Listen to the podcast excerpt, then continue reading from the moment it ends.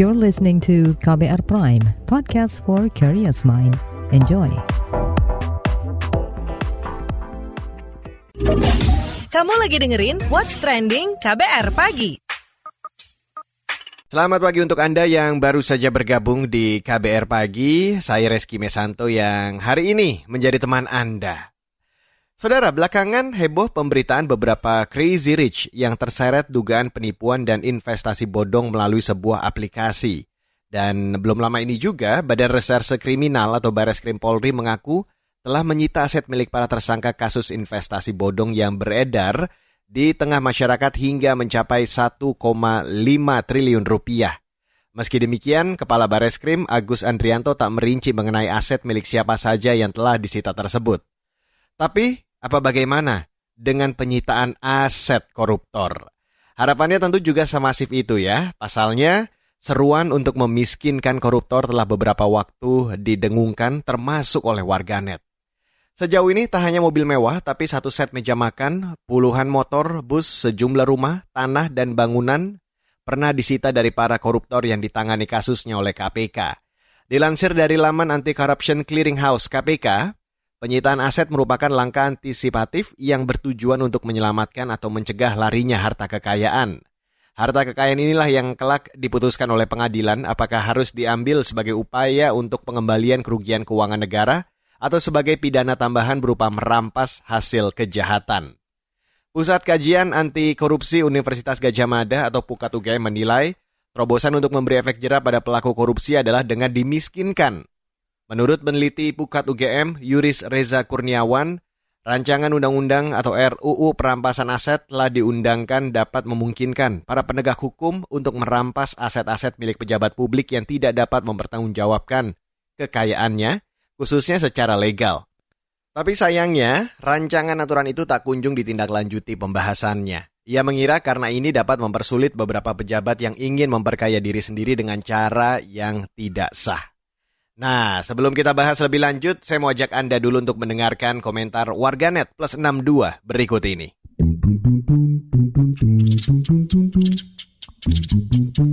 Kita ke komentar at militan underscore NKRI. Tangkap pelaku koruptor dong, lalu pecat dari jabatannya, miskinkan koruptor. Lalu komentar at negativisme. Please retweet yang dukung kejagung, miskinkan koruptor. Komentar at gurem 2. Bravo kejagung, satu kata untuk para koruptor yang tega memakan hasil keringat orang lain, miskinkan dan hukum seberat-beratnya. Komentar at Mbah Sinder. Sepakat, miskinkan dan diprodeokan yang lama, biar busuk di hotel prodeo. At Fauzi Gani 23. Setuju, koruptor itu hukum hukumannya selain di penjara juga ganti kerugian negara, ditanggung beserta keluarganya yang menikmati. Lanjut komentar at E Aditya Jaya. Setuju, miskinkan biar mereka merasakan gimana rasanya jadi orang miskin. At YFBR. Sangat setuju pencuri uang rakyat dimiskinkan. Komentar at Ichi Goryota. Harusnya sih semua koruptor tanpa kecuali at Eziapia, miskinkan dan beri tanda khusus di KTP-nya. Terakhir, at Sukma Wijaya 91, dimiskinkan lebih menyengsarakan daripada hukuman mati. Mereka koruptor yang ditakutkan keluarganya miskin, bukan kematiannya, karena pada akhirnya semua orang juga akan mati. What's Trending KBR Pagi Saudara, Hakim Agung MA Surya Jaya menyebut penyitaan aset koruptor bisa dilakukan sebelum dan sesudah putusan perkara. Menurutnya, penelusuran aset juga menjadi kunci penting dalam pengembalian hasil kejahatan. Lebih lanjut, saya mau ajak Anda untuk mendengar penuturannya dalam acara peluncuran kajian urgensi pengaturan sita jaminan dalam penanganan tindak pidana korupsi kemarin. Sita itu bisa dilakukan sebelum perkara diputus, sita bisa dilakukan setelah perkara diputus. Jadi kita sita kemudian kita rampas. Kalau menurut saya, memang ada titik lemah pasal 18 itu terkait soal lembaga tracing. Kejaksaan punya PPA, tapi apakah kejaksaan itu punya kemampuan untuk men-tracing sebagai eksekutor ketika perkara sudah ingkrah? Jadi tracing dari kejaksaan ini sebenarnya yang harus paling diutamakan dalam pengembalian hasil kejahatan. Kalau ini nggak bisa dilakukan, berapapun UP yang sudah diputuskan oleh pengadilan tanpa didukung dengan kemampuan tracing hasil kejahatan itu tidak mungkin bisa dipulihkan. Karena menurut saya inti dari pemulihan kerugian negara itu ada pada kemampuan eksekutor untuk melakukan tracing. Di KPK apakah punya unit khusus untuk melakukan penelusuran hasil kejahatan. Ini juga perlu di perlu kaji kembali. Yang kedua, subsidiar pidana penjara. Subsidiar pidana penjara ini kalau memang eksekutor tidak mampu melakukan tracing terhadap hasil kejahatan, maka pilihan yang harus dilakukan adalah bagaimana harus diganti dengan subsidiar penjara. Nah kalau UP tadi dibebankan itu hanya diganti dengan pidana penjara, maka sama artinya bahwa pemulihan kerugian keuangan negara itu akan menjadi tidak maksimal. Yang ada adalah pemenjaraan. Nah konsep pemenjaraan sebenarnya dalam perkara korupsi ini memang baik, tetapi itu bukan tujuan satu-satunya. Penjeraan itu bukan tujuan satu-satunya, tetapi itu harus berbarengan dengan tujuan pemulihan kerugian keuangan negara. Nah oleh karena itu menurut saya kelemahan kelemahan dari undang-undang ini sebenarnya seperti denda dan UP itu sebaiknya tidak disubsidiar lagi dalam bentuk penjara. Jadi kita lakukan penyitaan kalau kemampuan uh, sita kemudian kita rampas itu memang belum mencukupi uang pengganti, maka jangan diganti lagi dengan penjara tetapi ada hak bagi negara.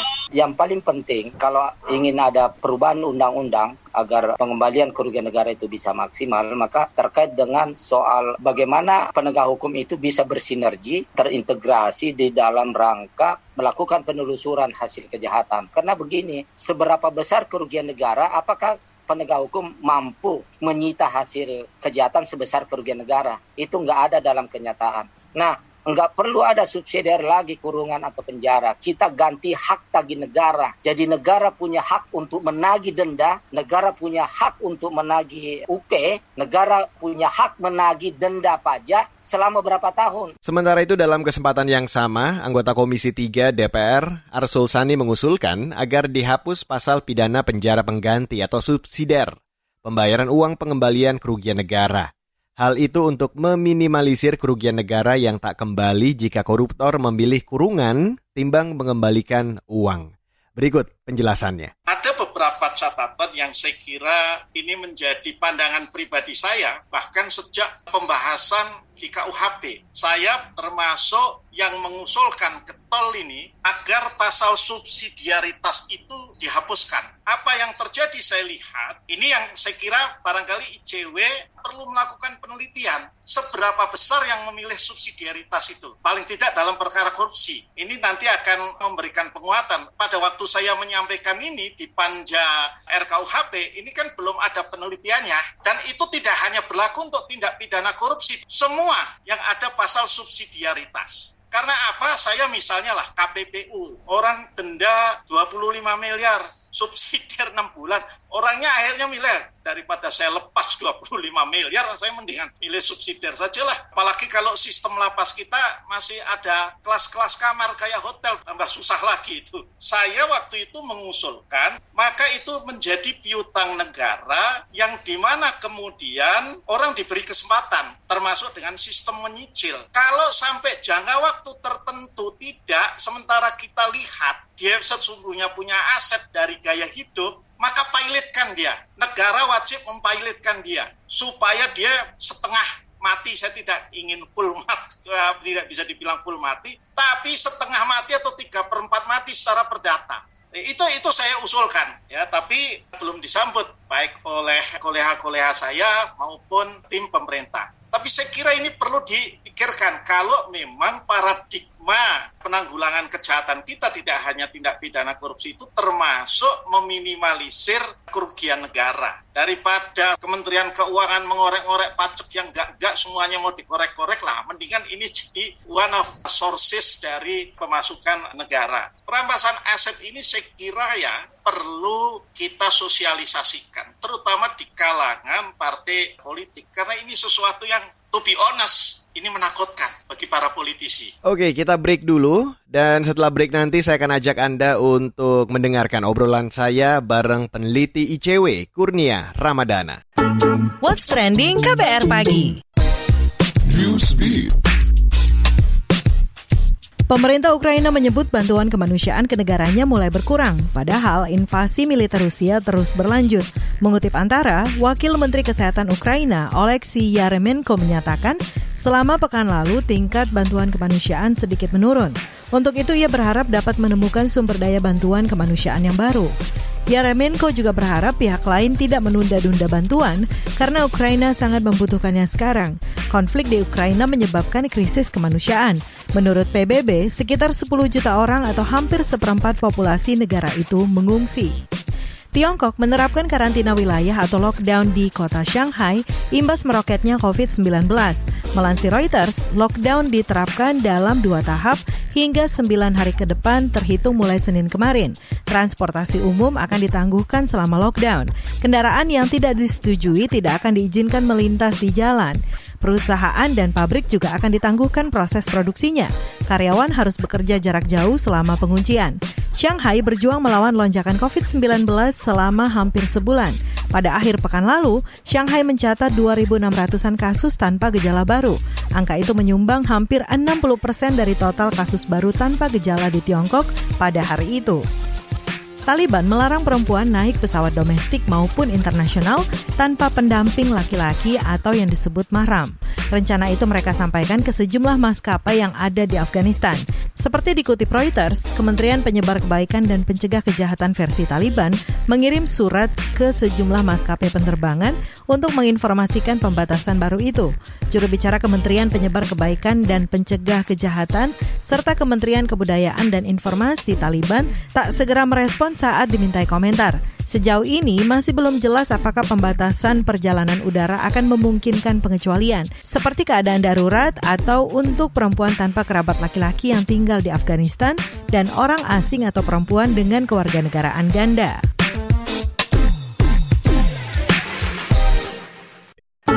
What's Trending KBR Pagi Selamat pagi untuk Anda yang baru saja bergabung di What's Trending KBR Pagi. Pagi ini kita sedang membahas tentang komitmen untuk memiskinkan koruptor. Saudara, kemarin Lembaga Pemantau Korupsi ICW meluncurkan kajian urgensi pengaturan sita jaminan dalam penanganan tindak pidana korupsi. Seperti apakah itu? Langsung aja kita cari tahu bareng peneliti ICW Kurnia Ramadana. Oke, apa temuan yang menarik dari penelitian ICW? Penelitian itu berangkat dari permasalahan antara kerugian keuangan negara dengan uang pengganti itu terpaut sangat jauh. Kerugian negara yang timbul akibat praktik korupsi sepanjang tahun 2020 itu mencapai angka 56 triliun rupiah. Namun, yang kembali ke negara melalui uang pengganti hanya 18 triliun rupiah. Maka dari itu, dorongan kami agar ada sinkronisasi antara hukum perdata dengan hukum pidana dengan memasukkan ketentuan sita jaminan. Secara sederhana, penyitaan dalam pemberantasan tindak pidana korupsi itu dua kali. Pertama, saat proses penyidikan, kalau kita mengacu pada pasal 39 ayat 1 KUHAP, penyitaan hanya dibenarkan terhadap benda-benda yang berkaitan langsung dengan peristiwa kejahatan. Penyitaan kedua saat putusan sudah berkekuatan hukum tetap dan dikenakan sanksi uang pengganti, kalau mereka tidak bisa membayar selama satu bulan, maka harta kekayaannya, baik yang berkaitan maupun tidak berkaitan, itu bisa disita seluruhnya. Pertanyaan lebih lanjutnya, seandainya saat proses penyidikan, penyidikan itu kan tidak ada batas waktunya ya, seandainya 2-3 tahun, kemudian dia mengalihkan harta kekayaan yang bukan dari tindak pidana, apakah itu bisa disita oleh penegak hukum? Tentu kalau mengacu pada KUHAP itu tidak bisa disita. Kami mendorong ada sita jaminan. Sita jaminan itu sejak proses penyidikan, penegak hukum dibenarkan untuk menyita benda-benda yang bahkan tidak berkaitan dengan tindak pidana. Untuk apa? Untuk memastikan kalau nanti persidangan membuktikan terdakwa bersalah, maka dia bisa membayar denda maupun uang pengganti. Saat ini, kalau mereka tidak bisa membayar uang pengganti dan ternyata harta sitaannya tidak mencukupi, mereka dihadapkan dengan pidana penjara pengganti yang diatur dalam pasal 18 Undang-Undang Tipikor dan substansi dan realitanya bermasalah. Rata-rata pidana penjara pengganti itu hanya satu tahun. Berarti hukuman pidana aja nggak cukup ya? Harus ada perbaikan mendasar, baik dari hukum acara yang diatur dalam KUHAP ataupun Undang-Undang Pemberantasan Tindak Pidana Korupsi. Dan sebenarnya ini sudah pernah digaungkan oleh Mahkamah Agung tahun 2013 yang lalu. Jadi kami sebenarnya sekaligus ingin mengingatkan kepada pemangku kepentingan, baik Presiden maupun DPR, agar memperbaiki proses penegakan hukum dengan memperbarui regulasi-regulasinya. Nggak hanya soal aturan hukum nih, tapi bagaimana dengan sinergitas antara penegak hukum? Iya, sinergitas itu sekarang masih menjadi problematik ya. Saya ambil contoh dalam konteks persidangan perkara korupsi.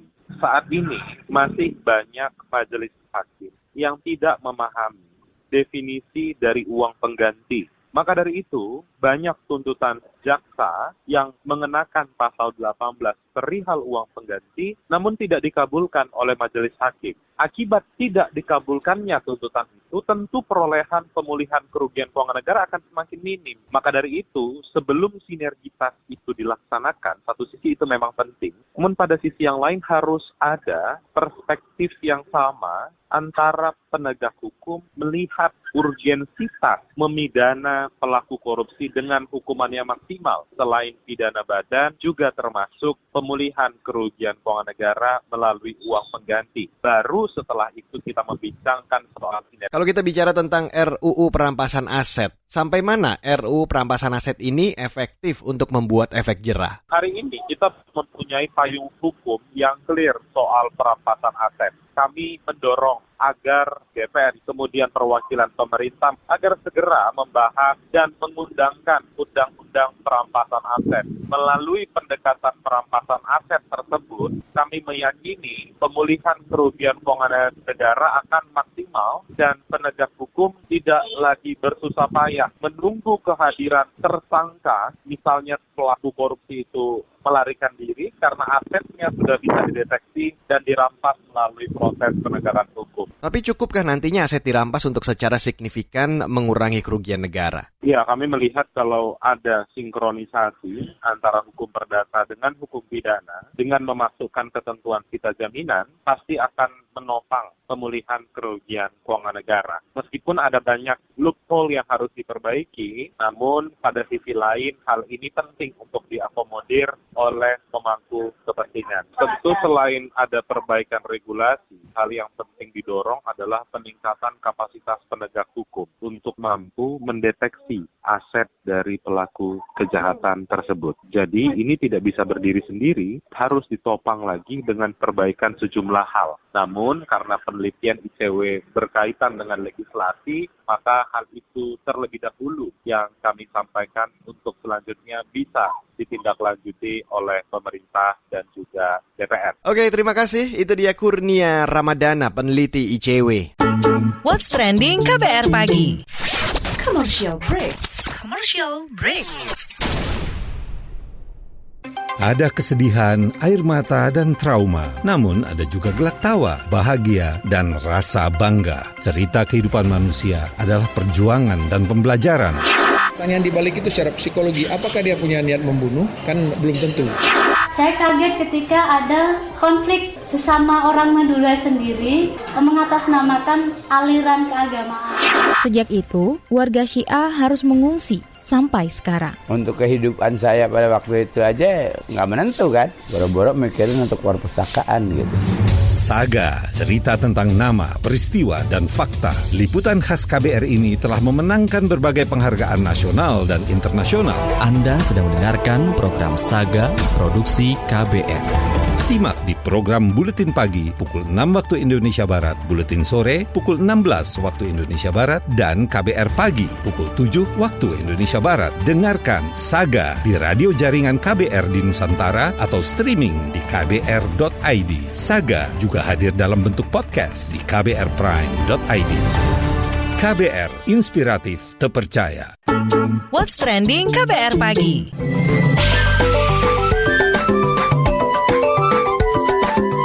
WhatsApp Indonesia. WhatsApp Indonesia dimulai dari Jakarta. Presiden Joko Widodo menargetkan 30 juta pelaku UMKM masuk pasar digital di tahun 2024. Target itu disampaikan Presiden saat membuka Rakornas Transformasi Digital dan pendataan lengkap koperasi dan UMKM. Jokowi menyebut 17,5 juta pelaku UMKM yang masuk ekosistem digital tahun ini belum cukup dan harus ditingkatkan. Presiden Jokowi yakin target itu bisa tercapai jika semua pihak bekerja keras. Selain itu, Presiden juga minta agar pendataan tunggal pelaku UMKM dalam negeri, sehingga Indonesia punya basis data tunggal yang akurat. Data itu diperlukan untuk menavigasi pengembangan UMKM supaya lebih fokus, terarah, dan berkelanjutan. Masih dari Jakarta, Pemprov DKI Jakarta menyebut terjadi lonjakan warga yang mengikuti program dosis ketiga atau booster vaksin COVID-19. Wakil Gubernur DKI Jakarta Ahmad Riza Patria mengklaim lonjakan warga yang ikut program vaksin ini terjadi setelah pemerintah mewajibkan vaksinasi dosis ketiga atau booster sebagai syarat mudik lebaran tahun ini. Riza juga memastikan pasokan vaksin di Jakarta masih mencukupi. Hingga kemarin, capaian vaksinasi dosis ketiga di DKI sebanyak 2,2 juta orang. Sebelumnya, Presiden Jokowi mengizinkan masyarakat melakukan perjalanan mudik pada Idul Fitri 2022 dengan syarat pemudik melengkapi dosis vaksinasi lanjut atau booster. Terakhir mampir ke NTB, Kementerian Kelautan dan Perikanan KKP meresmikan Teluk Jukung di Kabupaten Lombok Timur NTB sebagai kampung budidaya lobster. Penetapan ini dalam rangka mewujudkan pembangunan kampung budidaya lobster yang terkoneksi dengan sarana pendukung lain. Hal itu disampaikan Dirjen Perikanan Budidaya KKP Hairu Rahayu sebagaimana dikutip Antara. Selanjutnya diharapkan pelaku budidaya dan pasar juga semakin terkoneksi. Pemerintah pusat memberikan dukungan sarana prasarana senilai lebih dari 7 miliar rupiah, di antaranya dalam bentuk keramba jaring apung, bantuan benih lobster, hingga pendingin. Bupati Lombok Timur M. Sukiman Asmi menyebut potensi budidaya lobster di wilayahnya mencapai 40-an hektar. Lahan itu dimanfaatkan lebih dari 1.700-an pembudidaya yang tergabung dalam 140-an kelompok. Demikian WhatsApp Indonesia hari ini. What's Trending KBR Pagi. Selamat menjalankan aktivitas Anda dan ingat, patuhi selalu protokol kesehatan di mana pun Anda berada. Hindari kerumunan, kurangi mobilitas semaksimal mungkin, dan pastikan Anda tetap menggunakan masker bila Anda berada di ruang publik. Saya Reski Mesanto undur diri, salam. Terima kasih ya sudah dengerin What's Trending KBR Pagi. KBR Prime, cara asik mendengar berita. KBR Prime, podcast for curious mind.